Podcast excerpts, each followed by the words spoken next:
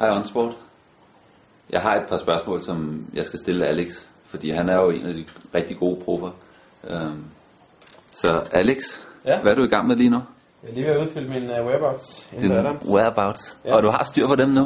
Der er styr på dem. Øhm, det tror jeg er en god idé. Er der altid styr på dem? Ja, altså øh, i hvert fald her på sidste, der har jeg prøvet at holde styr på dem. Det er- det er sådan lidt træls, når man skal have karantæne, når man gerne vil til OL. jo. Så er det lidt svært at få medalje. Ja, men prøv at se. Vi kan også se her, der er godt styr på det.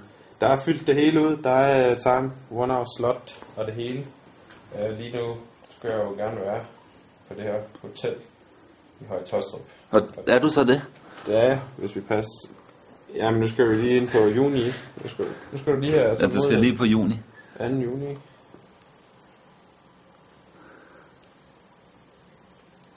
Jamen, nu, nu, nu sejler det, kan jeg høre. Giv mig lige... Hvad, giver det, går det ikke så godt med det der whereabouts? Nej, giv mig lige to sekunder. Okay, Nå, men så imens du lige finder det, hvad, hvordan, øhm, nu har du været landevejsprofi et par år, og det er nogle år siden, du har kørt bane. Hvordan, øh, hvordan ser du på at komme tilbage på, på, lande, på baneholdet? Jamen, jeg glæder mig. Altså, øh, jeg var lidt nervøs, fordi at øh, I kører rimelig stærkt. Så, og jeg kommer lige fra landevejen og har ikke kørt på banen i to og et halvt år. I hvert fald ikke holdløb.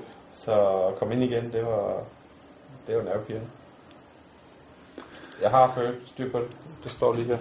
Track training og så... Øh, track, jeg ved ikke, om du kan se det. Track training. Højt tost.